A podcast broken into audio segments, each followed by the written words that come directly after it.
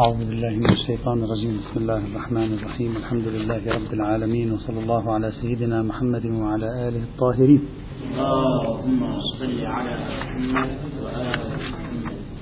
وصلنا بنا الحديث إلى الأدلة التي تدل على قاعدة على الاتجاه الأول. المؤمن بقاعدة الكرامة الإنسانية أي الإنسان مكرم من حيث هو إنسان.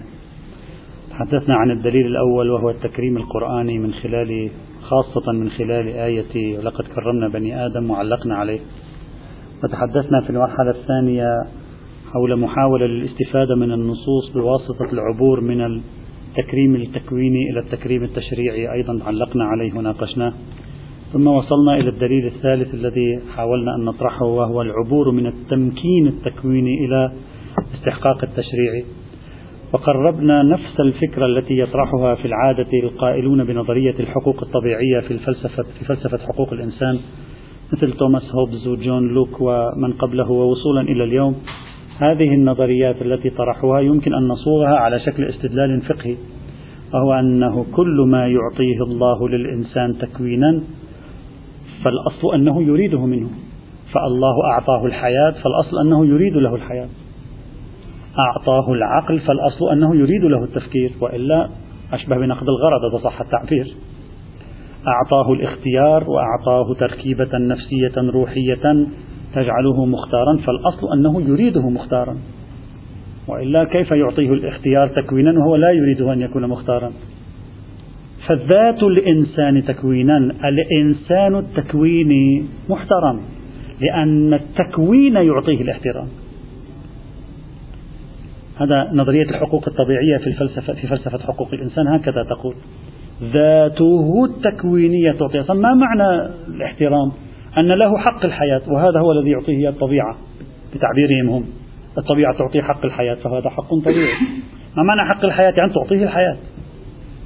من حيث المبدأ نتكلم. تقييدات بحث آخر من حيث المبدأ. الطبيعة تعطيه العقل فإذا يراد له أن يفكر. كيف تعطيه الطبيعة؟ العقل والطبيعة لا تريد له عقلا. إذا هذا حق طبيعي. نحن لكي نؤسلم هذا الدليل استخدمنا أيضا مصطلح الفطرة. قلنا الإنسان مفطور أن يكون حيا أن يحيا. مفطور أن يكون عاقلا مفكرا. مفطور أن يكون مختارا. ومعنى ذلك أنني بالفطرة منحت هذه الصفات الثلاثة. وهذه عمدة حقوق الإنسان الطبيعية. الحياة الإرادة والاختيار التفكير والتعقل. عمدتها هذه. هذا هو الدليل الذي حاولنا أن نصوغه بشكل أو بآخر آه، بالأمس لكي نثبت أن آه، أشبه ببرهان عقلي قلنا أشبه ببرهان عقلي على قواعد العقل النظري ليس على قواعد ما نقول قبيح وحسن نقول مقتضى ذلك الكاشفية. الفاعل الإلهي عندما يعطيني الاختيار كاشف أنه يريد لي الاختيار. الفاعل الإلهي عندما يعطيني العقل كاشف بالكشف بكشف العقل النظري أنه يريدني أن أكون عاقلا أو مختارا وهكذا. هذا حاصل الادعاء الذي حاولنا أن, أن ننحته بالآن مستعينين بجهود غير المسلمين في ذلك. لأن هذا برهان نظرية الحقوق الطبيعية في الحقيقة.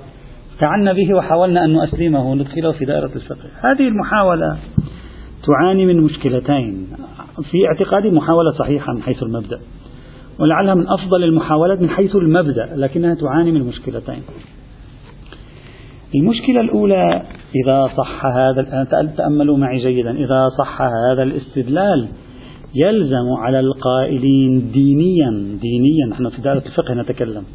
يلزم على القائلين دينيا بالحقوق الطبيعية بهذا التقريب للاستدلال على الحقوق الطبيعية يلزمهم أن يثبتوا الحقوق الطبيعية الحيوانات وهذا معلوم من الشرع أنه لم يثبته.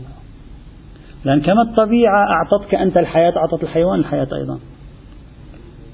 صحيح كما الطبيعة أعطت الحي...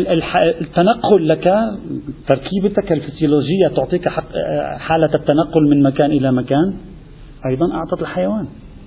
إذا صح كلامكم هذا في الاستدلال كلام هذا بالاستدلال الفقهي يلزمه أيضا أن يثبت في باب الحيوان. وبالتالي يجب أن نتبنى فقهيا وجود حقوق طبيعية للحيوانات أيضا. وقد يدعى أن هذا نعلم ببطلانه في الشرع. أن في الشرع لا توجد هناك حقوق طبيعية. بإمكانك أن تسلب الحيوان روحه بلا مبرر أصلا. بإمكانك أن تقتله بإمكانك أن حتى وهو للتولد بإمكانك أن تقتله مثلا. أن نحاول أن نناقشها نحاول أن نناقش. وبعبارة أخرى جعل هذا الدليل دليلا داخل ديني يعني فقهي. سوف يجعلنا نصطدم بتكوينيات يفترض أن تعطي حقوقا طبيعية. يعلم من الشرع أنه لم يقر لها بحقوق طبيعية مما يكشف عن أن الشرع لم يبني على مثل هذه المقاربات الاستدلالية. طبعا موضوع ارتباط حقوق الحقوق نظرية الحقوق الطبيعية في فلسفة الحقوق الإنسان. مع الحقوق الحيوان هذه ليست فقط مشكلة الآن عندنا. هي مشكلة موجودة حتى في الفلسفة الحديثة. لأن بعض الذين آمنوا بالحقوق الطبيعية كل الذين آمنوا بالحقوق الطبيعية انقسموا إلى مدرستين. هل أن نظرية الحقوق الطبيعية تسري إلى الحيوان أو لا؟ قسم منهم قال نعم تسري إلى الحيوانات لأن المنطق فيها واحد. ولذلك قالوا بلا يجوز قتل الحيوان وهو قبيح أخلاقيا. ولذلك كان هذا أحد أدلتهم لصالح النباتيين الذين يؤمنون بأن تناول اللحوم أصلا هذا قبيح باطل.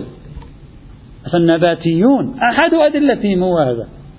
وهم مدرسة في الحقوق الطبيعية تمدد الحقوق الطبيعية لمطلق ما هو غير إنسان أيضا لا بأس. يقول هكذا أصلا هكذا. إلا إذا اعتدى عليك الحيوان تقتله حينئذ هذا شيء طبيعي.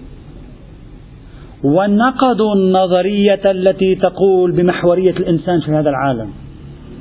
رغم أن القائلين بالحقوق الطبيعية بنيت نظرية حقوق الإنسان على الحقوق الطبيعية عندهم لكنهم في الوقت عينه نسفوا نظرية محورية الإنسان في عالم الوجود.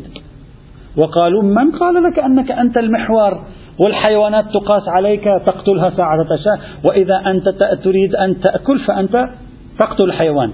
وإذا تريد أنت أن تأكل فأنت تقطع الشجر. وإذا تريد أنت أن مثلا تفعل شيئا سائر المخلوقات تابعة لك. من قال؟ لا دليل. محورية الإنسان لا دليل. نسفوها وأحد أدلة النباتيين نسف نظرية محورية الإنسان في العالم. رغم أن أدلة النباتيين تنتمي إلى مدرسة الحقوق الطبيعية ومدرسة الحقوق الطبيعية هي التي أصلت آخر فيرجن لنظرية حقوق الإنسان. آخر إصدار لنظرية حقوق الإنسان. يعني كأنما أنت تشعر بشيء من التهافت لكنه أبدا ليس بتهافت هو قبول بنظرية الحقوق الطبيعية وامتداداتها في الإنسان وفي غيره.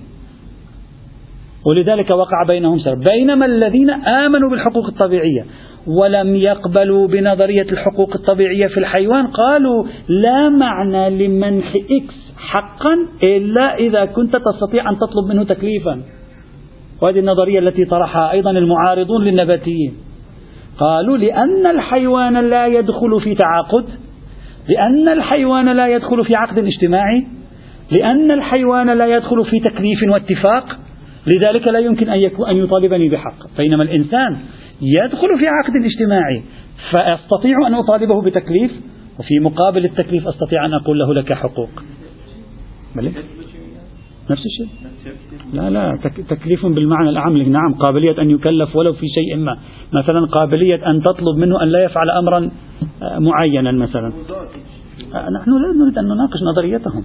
هم يقولون هذا نوعه يكلف. نوعه لا يكلف. هلا تفاصيل بحوثهم هذا المناقشات طويلة في هذا الباب. الآن سنتكلم. الآن سنتكلم لأن تصور الآخرين لديهم وجوه في القضية. في أصل أن الإسلام يؤمن بنظرية الحقوق الطبيعية للحيوان؟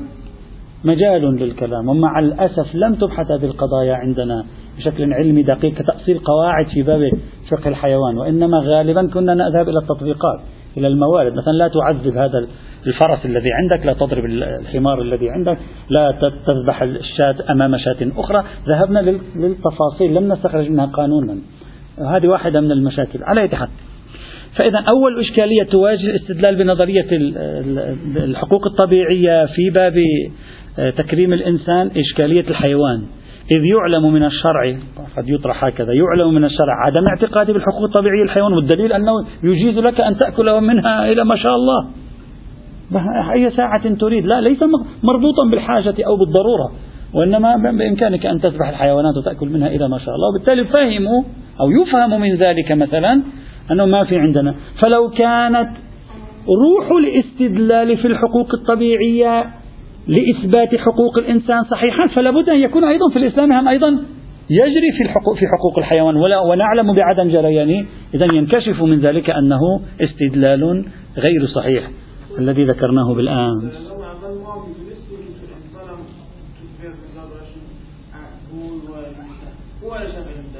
لا لا لا ندري.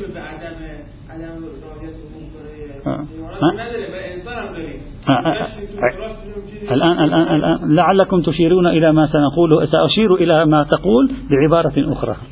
سأشير إلى ما تقول بعبارة أخرى. طيب. فإذا بناء عليه ممكن واحد يقول هذا كلام باطل معلوم أمره في الحيوان في الإنسان ليس بتلك المثابة. إلا أنه ممكن شخص يقول لا كلامكم كله غير صحيح. حتى الأمر في الحيوان كالأمر في الإنسان. أنا الآن أدافع عن الذي يريد أن يستدل بدليل الحقوق الطبيعية لا الأمر في الحيوان كالأمر في الإنسان. كيف؟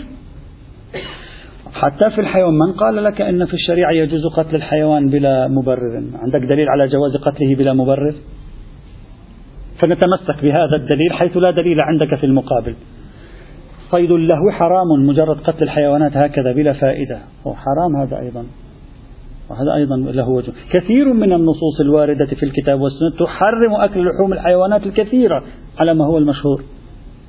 ولعل هذا وجه أن الشريعة استثنت بعض أنواع اللحوم لحاجة النوع الإنسان إليها فهذا أمر استثنائي اضطراري. وبالتالي يمكن أن أحافظ على القاعدة أي قاعدة الحقوق الطبيعية حتى في الحيوان وأقول استثنى منها الإسلام بعض الموارد وهي الأنعام في العادة فقال يجوز لك أن تتناولها لأن نوع الإنسان بحاجة إليها مثلا إما لعنصر تزاحم أو لضرورة وأهمية خاصة وأن الإسلام يؤمن بمحورية الإنسان في الكون. الطرف الآخر لا يؤمن ما لنا شغل معه خاصة وأن الإسلام يؤمن بمحورية فلعله رأى أن بقاء النوع الإنساني أهم من بقاء نوع حيواني. وبالتالي قال بأنه في بعض الموارد يمكن ذبح بعض الحيوانات أو أكل بعض الحيوانات وما شابه ذلك. يعني لا صورة أن الإسلام يعلن أنه لا حقوق طبيعية للحيوانات. يمكن أن تستنبطها بسهولة هذا ادعاء. ولا صورة أن الإسلام يحظر خرق الحقوق الطبيعية في الحيوانات هم صحيحة؟ لأنها عكسها موجود. فإذا بإمكاننا أن نقول البرهان ما زال تاما. ونخرج عنه بدليل خاص. خرج من الأدلة الخاصة الأنعام. غيره يحتاج إلى دليل. هذا ليس نقضا حينئذ على الإشكال. يعني قضية الحيوانات ليست نقضا حينئذ على الإشكال. غاية الأمر أنها تخصيص. ولعل هذا التخصيص مرجعه إلى الحاجة مع اعتقاد الإسلام بمحورية الإنسان على عكس النباتيين الذين لا يرون محورية الإنسان في هذا الزمن. هذا إذا هذه المداخلة غير موفقة في تقديري نقدية.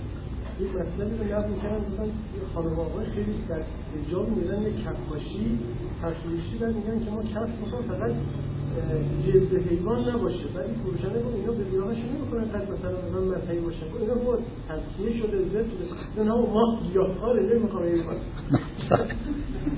صحيح إذا هذا أولا قد تسجل هذه الملاحظة ثانيا هذا الاستدلال في تقديري متين لكنه أعيد وأكرر ذو خاصرة رخوة حسب تعبيرنا. سهل التخصيص. سهل التخصيص يعني ليس بذاك الاستدلال الذي يمنع التخصيص ويحكم على النصوص وإنما سهل التخصيص. يعني ممكن أن تقول يمكن أن يقول ونحن نتكلم الآن في فضاء ديني نتكلم في فضاء ديني. يمكن لشخص أن يقول كما أنتم تجيزون سلب الإنسان حقوقه الطبيعية في مورد عدوانه لعل الإسلام أيضا بدليل خاص يجيز سلب الحقوق الطبيعية للإنسان في مورد كفره. لماذا؟ لأنه بهذه الطريقة هو ينقذ الأجيال الأخرى. وهذا قواعد التزاحم قواعد الأهمية نفس الشيء. وبالتالي بمجرد مجيء دليل على عكس الحقوق الطبيعية لا تستطيع أنت أن تقول أنا عندي دليل على الحقوق الطبيعية فإذا هي غير قابلة للتخصيص. قابلة للتخصيص. فقد خصصت غاية الأمر أن الفكر الحديث يخصصها بمورد حصول عدوان من إنسان على إنسان. قل لعل الإسلام يرى أنه حتى مورد عدم حصول عدوان من إنسان على إنسان حفظ أجيال أكثر حفظها إيمانيا وأخرويا أولى من حفظ جيل واحد. فيجري قواعد على معاييركم في أن رد عدوان المعتدي أولى من أن نسمح له بالعدوان فيقتل عددا أكبر مثلا.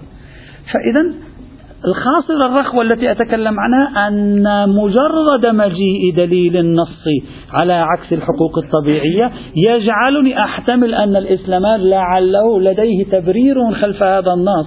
وبالتالي فقهيا لا أستطيع أن أنفي هذا التبرير بمجرد ثبوت دليل الحقوق الطبيعية.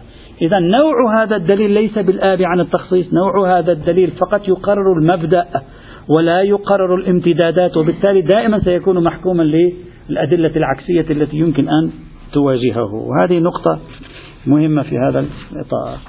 لكن على أي حال أعتقد يعني ما زلت أعتقد بأن هذا الدليل ينبغي أن نأخذه بعين الاعتبار لأنه دليل منطقي. من حيث المبدأ من حيث المبدأ يصلح أن يكون مرجعا. من يخلق شيئا يحيا يريده أن يحيا. يريد أن يحيا من حيث المبدأ من حيث المبدأ. خلي خط تحت كلمة من حيث المبدأ. من يخلق شيئا يعقل يريده أن يعقل. وإلا لا يخلقه يعقل. ولا يكون عبث في خلقه. إذا من حيث المبدأ نستطيع أن نتعقل هذه الفكرة. غاية الأمر مساحاتها ليست واضحة. حتى نتمكن من تأسيس كلية كبيرة قادرة على إثبات مبدأ الكرامة الإنسانية بشكل يأبى عن التخصيص أو يأبى عن التخصيص الكثير. لا حتى التخصيص الكثير هم مع الأسف يقبلوه الآن. ليس عاما ويأبى عن المخصص الأكثر. لا ليس عاما. يعني لا يملك تلك القوة في مواجهة سائر الأدلة.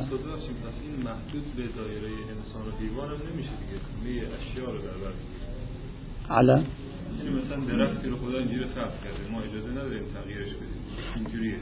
إذا إذا شخص يقبل لا يعني يعني المقصود أنه نغيرها. ما معنى نغيرها يعني نقطعها يعني. نقطع لا نقطف ثمرها تقصد. إذا إذا استفدت إذا لم تستفد منه يتلف. فما تفعل عدوان هنا. نعم. لماذا؟ لا ذاك بحث تغيير الطبيعة. نتكلم عن حقوق. تغيير الطبيعة لا العدوان على الطبيعة. تغيير هذا لا هذا من الطبيعة نفسه من من من من إطار الطبيعة نفسه يعتبرونه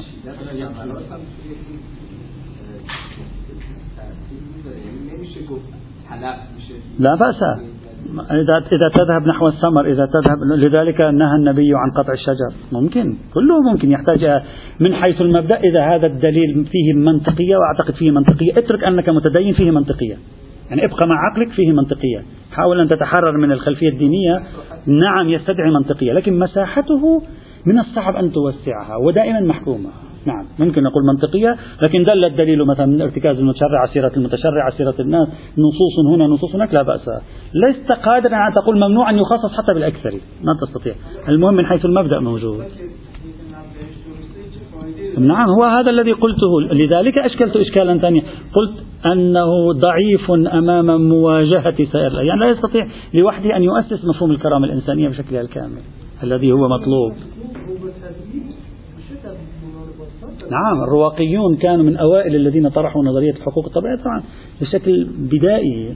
ثم تطورت حتى في القرون الوسطى. ثم طرحت توما الأكويني نظرية ما سماه بالقانون الطبيعي وهي شكل آخر من أشكال فكرة الحقوق الطبيعية ثم بعد ذلك جاء آه، جيرسون في القرن الرابع عشر وطرح النظرية وسعها ثم إلى جون لوك وهوبز وغيرهم بهذا المفهوم لا نجد شيئا هذا مفهوم التركيبة الاستدلالية ما وجدتها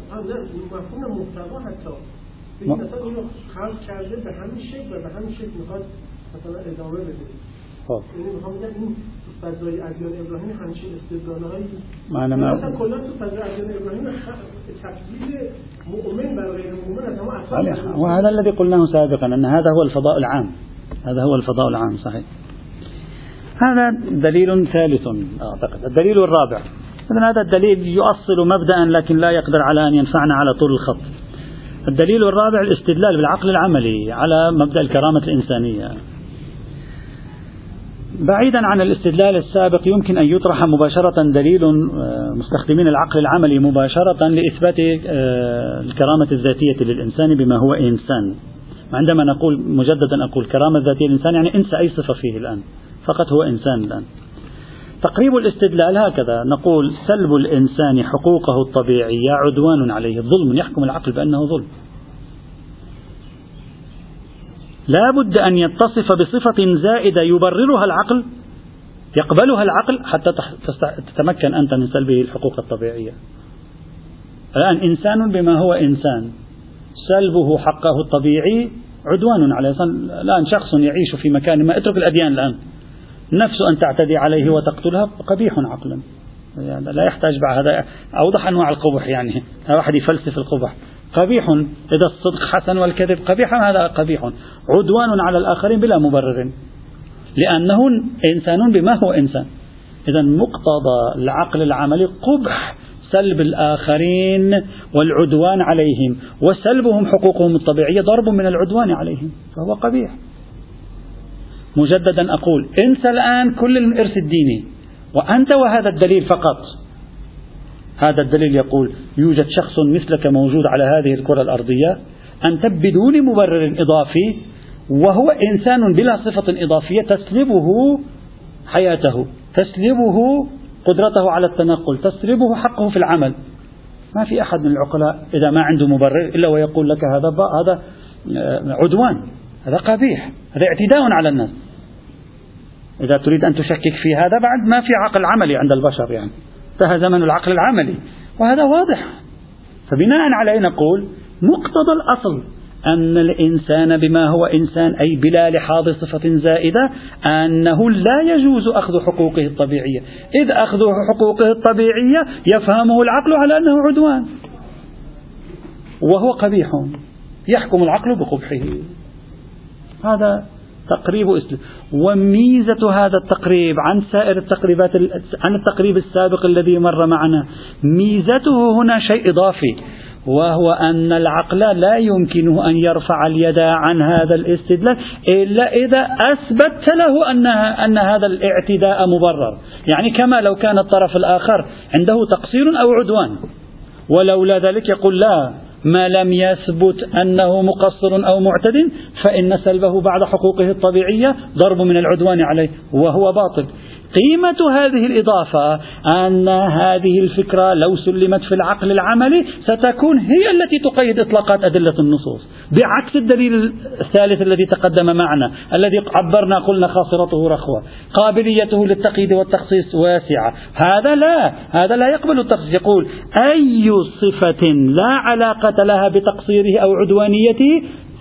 معنى ذلك أنه لا يجوز سلبه حقوقه الطبيعية وهذا هو معنى إثبات الكرامة الذاتية للإنسان. هذا هو. نحن لا نريد شيئا غير هذا. الآن تقول لي صفة الكفر ليس ليس هي عدوان إلا إذا ولا ليست هي عدوان ولا تقصير. نعم بعض مواردها تقصير لا بأس. بعض مواردها عدوان لا بأس في هذه الموارد نخرج عن مقتضى القاعدة في غيرها نبقى على مقتضى القاعدة. وبهذه الطريقة ببركة هذا الاستدلال بالعقل العملي نستطيع أن نثبت أن الإنسان بما هو إنسان بصرف النظر عن أي صفة زائدة تتضمن تقصيرا أو عدوانا محترم وهذا هو الذي نريده أصلا من بحث الاحترام أصلا لا نريد شيئا غير هذا. ما كنا نقصد شيئا غير هذا مثلا. إذا هذه قيمة هذا الدليل قدرته على التأثير في الإطلاقات لا كونه خاضعا لتلك الأدلة النصية كما كان الحال في الدليل السابق. هذا الدليل أيضا ممتاز لا بأس بصرف النظر عن بحث شمول الشريعة. هذا الدليل أيضا ممتاز لطيف لا إشكال فيه إلا أن المشكلة إخواني الأعزاء أنك عندما تدخل الفضاء الديني تتغير قواعد اللعبة. يعني تشعر أنت في داخل فضاء النصوص الدينية أن هناك معايير غير هذه المعايير. ليست فقط هي هذه معيار العدوان والتقصير هي المعايير الوحيدة. حيث إن هناك طرفا ثالثا دخل على الخط يملك حقا وهو الله سبحانه وتعالى. إذا تغيرت قواعد اللعبة إذا صح التعبير. أنا سأعطي مثالا فقط للإشارة لا أريد أن أتبنى هذا المثال فقط للإشارة لكي نشعر أن قواعد التزاحم والأهميات في الملاكات ممكن أن تغير كل شيء هنا. قصة موسى والعبد الصالح الذي يقال بأنه الخضر. موسى عليه السلام بكامل عقلانيته ويفكر على طريقة هذا الاستدلال. عندما رأى ذلك العبد الصالح يقتل ذلك الغلام استنكر عليه استنكار منطقي. أقتلت نفسا زكية بغير نفس؟ لقد جئت شيئا نكرا. لا يجوز. ماذا فعل هذا الإنسان حتى تقتله وهو غلام؟ الآن بصرف النظر هل كلمة غلام تدل على الطفولة أو لا تدل على الطفولة؟ يوجد جدل في هذه القضية. أن كلمة غلام في اللغة العربية لا تستبطن مفهوم الطفولة. يعني أنه دون السن الشرعي التكليفي. لا لا تستبطن شيئا من ذلك.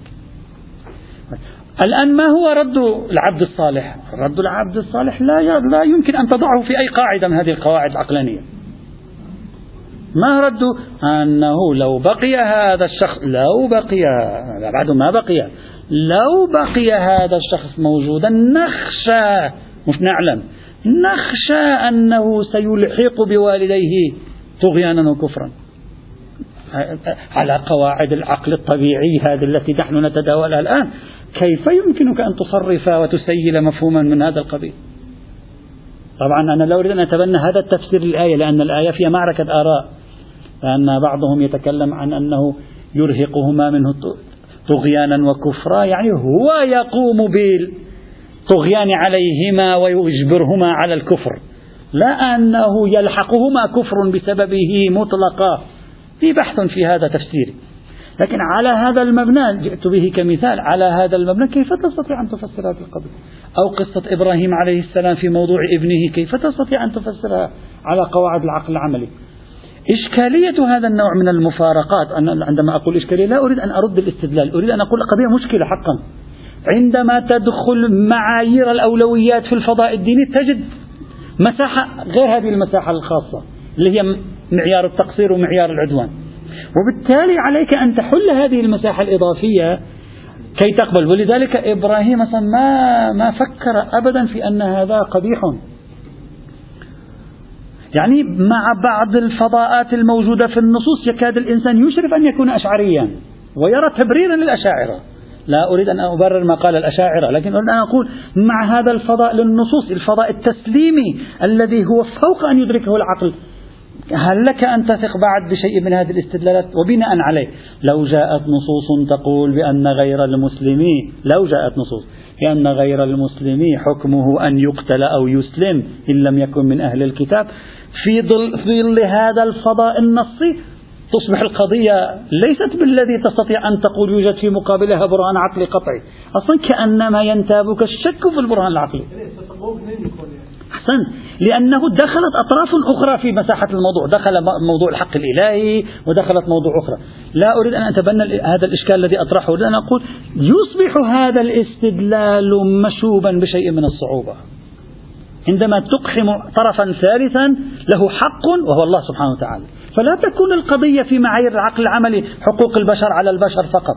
وإنما القضية فيها طرف ثالث حقوق البشر على الله حقوق الله على البشر. وبشر آخرين يتدخلون ضد بشر أولين لا لأن لهم حق في مقابلهم بل لأن لله حقا في مقابلهم.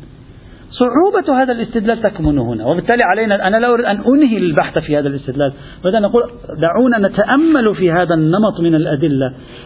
كيف لنا أن نوفق بين الفضاءات الدينية التي لا تكاد تكون منسجمة مع هذا النمط من الأدلة؟ أدلة العقل العملي وبين منطقية هذا الاستدلال. يعني أنت بوجدانك تشعر بأنه منطقي. ولكن مع ذلك دخولك في فضاء النصوص الدينية تشعر أن هناك تغيرا في المشهد وبالتالي هذه المنطقية التي كنت تشعر بها الآن لا تبدو واضحة. إذا هذا الاستدلال يحتاج إلى مزيد تأمل في هذا السياق.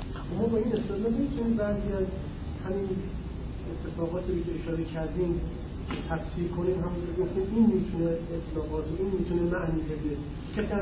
إذا تستطيع أن هو هذا إذا يستطيع الإنسان أن يأخذ أن أن يقدم ليس تكلفا تفسيرا معقولا لهذه القضية لا بأس. أكثر من حق أكثر من حق التوحيد ما في. بلى نحن على المستدلين المستدلين بنقد نظرية الكرامة الإنسانية. يقول لك أنا عندما أذهب إلى دول الكفار وأغزو بلادهم بالجهاد الابتدائي وأسيطر عليهم وأقتل من لم يسلم منهم من غير أهل الكتاب هو لا يقول حقي عليهم. أبدا. بحثنا بحثنا نظرية الجهاد الابتدائي. وقلنا أصلا لا يقولون حق لا يتكلمون في قواعد حقوق إنسانية. وإلا لو يتكلمون في قواعد حقوق إنسانية ممكن أن يغيروا رأيهم. يقول هذا حق الله في أولئك. لم يراعوا حق الله يستحقون مثل ذلك. نحن جند الله لكي نسقط حق الله عليهم. إذا إقحام موضوع حق الله خاصة وأنت تتكلم عن التوحيد لأن نتكلم عن معيار الإسلام والكفر خاصة وأنت تتكلم عن التوحيد يصاحب القضية. وبالتالي ممكن أن يقول لك شخص هذا حق الله وحق الله لابد أن يجري. إذا هم ما أجروه لا أعتدي عليهم من موقع أنني إنسان أعتدي على إنسان. وإنما أسترجع حق طرف ثالث أولى مني ومنهم بالحق وهو الله سبحانه وتعالى. كيف ستجيب القائل بالجهاد الابتدائي في, في مثل هذه المقاربة؟ صعب. هذا الذي أقصده. صعب أن تقدم له جوابا في هذا الإطار. إذا أثبت لك من النصوص أن لله حقا عليهم وهو عبارة عن الإيمان وأن الله لا يغفر أن يشرك به ويغفر ما دون ذلك لمن يشاء. في غير أهل الكتاب نتكلم.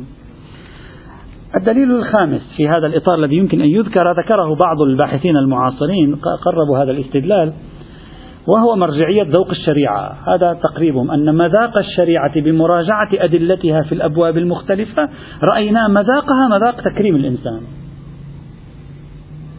بعض الباحثين استخدم مثل يعني هذا هذا النوع من الاستدلال مثل السيد محمد علي أيازي وغيرهم من الباحثين الذين عالجوا موضوع الكرامة الإنسانية. قالوا نحن مزاج الشريعة من خلال تتبع أطرافها من أول كتاب الاجتهاد والتقليد إلى آخر كتاب الديات من خلال تتبع النصوص المختلفة في الأبواب المختلفة وجدنا مزاجها مزاج احترام الإنسان.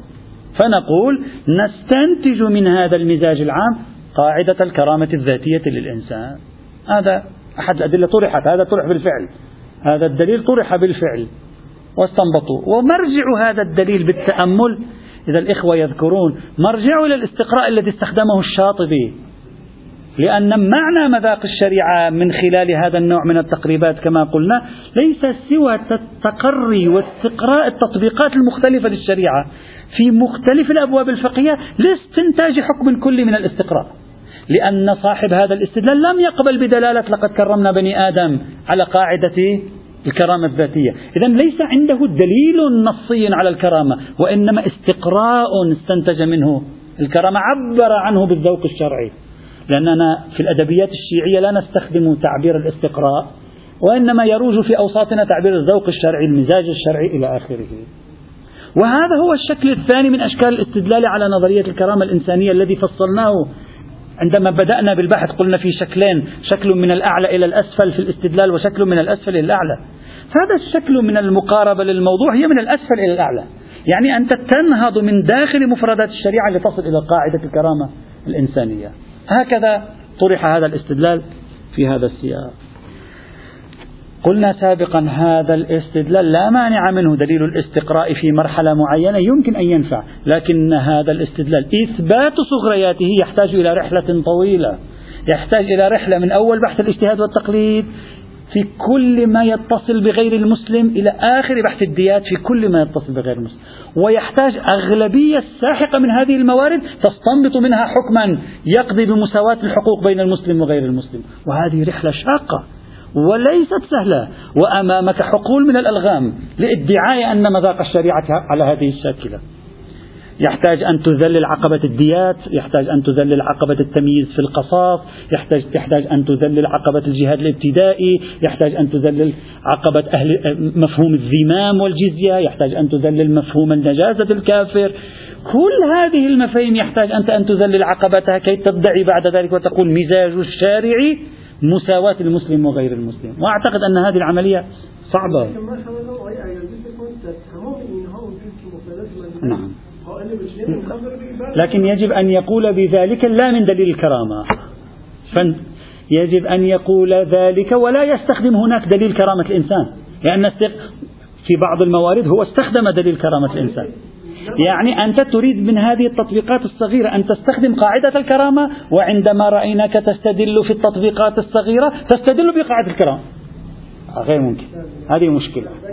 هذا مثل بعض الفقهاء تقول له لماذا المرأة لا تكون قاضية؟ قال لأنه علم أنها لا تكون مثلا إمامة جماعة ولا تكون مثلا مرجعا ولا تكون كذا. ثم لما قلنا له لماذا لا تكون مرجعا؟ قال لأنه علم أنها لا تكون قاضية.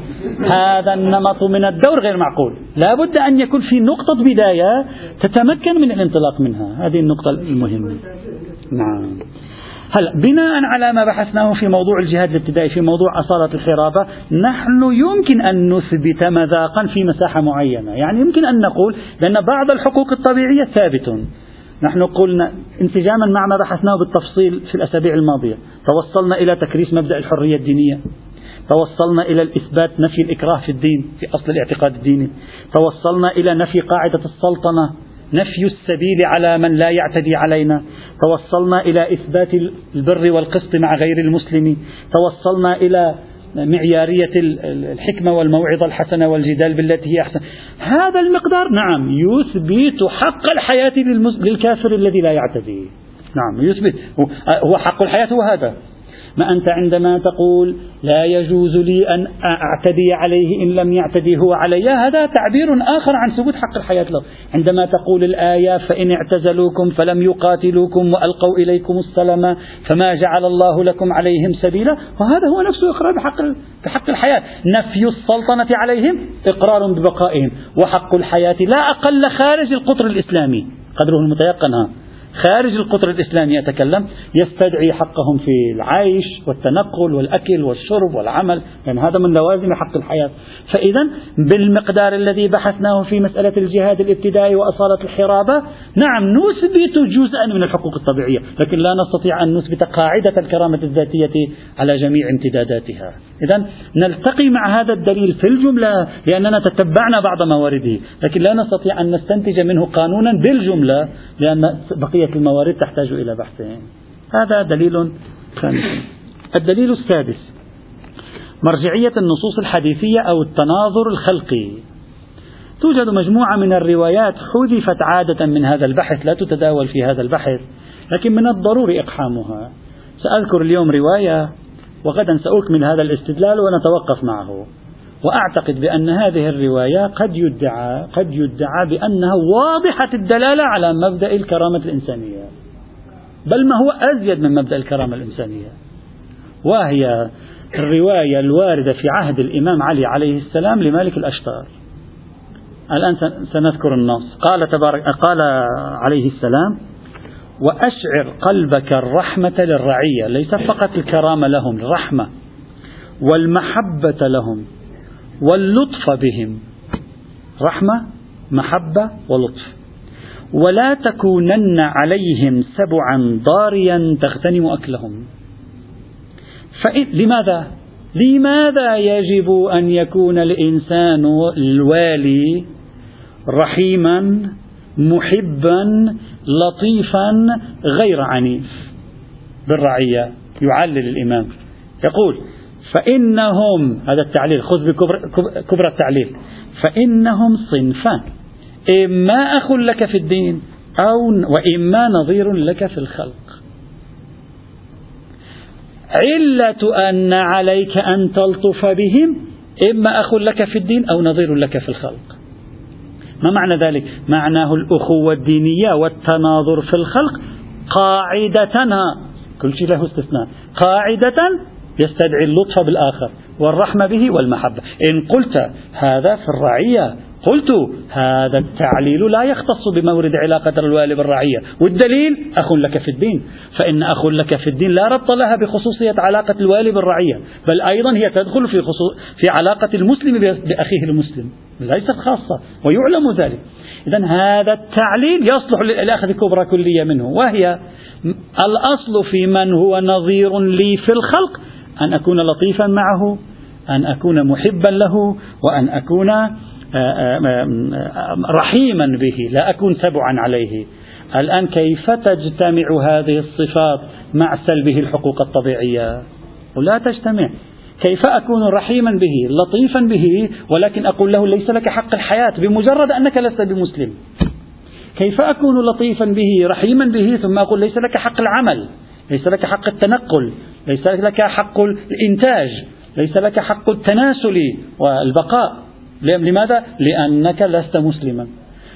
هذا النوع من النصوص لم يستقدم إلى البحوث الفقهية مع أنه قد يدعي شخص أنا فقط نقرر الدليل نريد أن نصوغ دليلا. قد يدعي شخص أنه واضح. والأجمل من هذا كله أن الإمام في نفس هذا العهد بعد هذه الجملة يذيل كلامه بأن أولئك الناس الذين هم إما صنفان أخ لك في الدين أو نظير لك في الخلق هؤلاء يقع منهم الخطأ ويدعوه لأن يتفهم خطأهم. يقول يقع منهم خطأ يشتبهون يسقطون بشر هؤلاء. فتفهم خطأهم ومارس معهم الرحمة أيضا.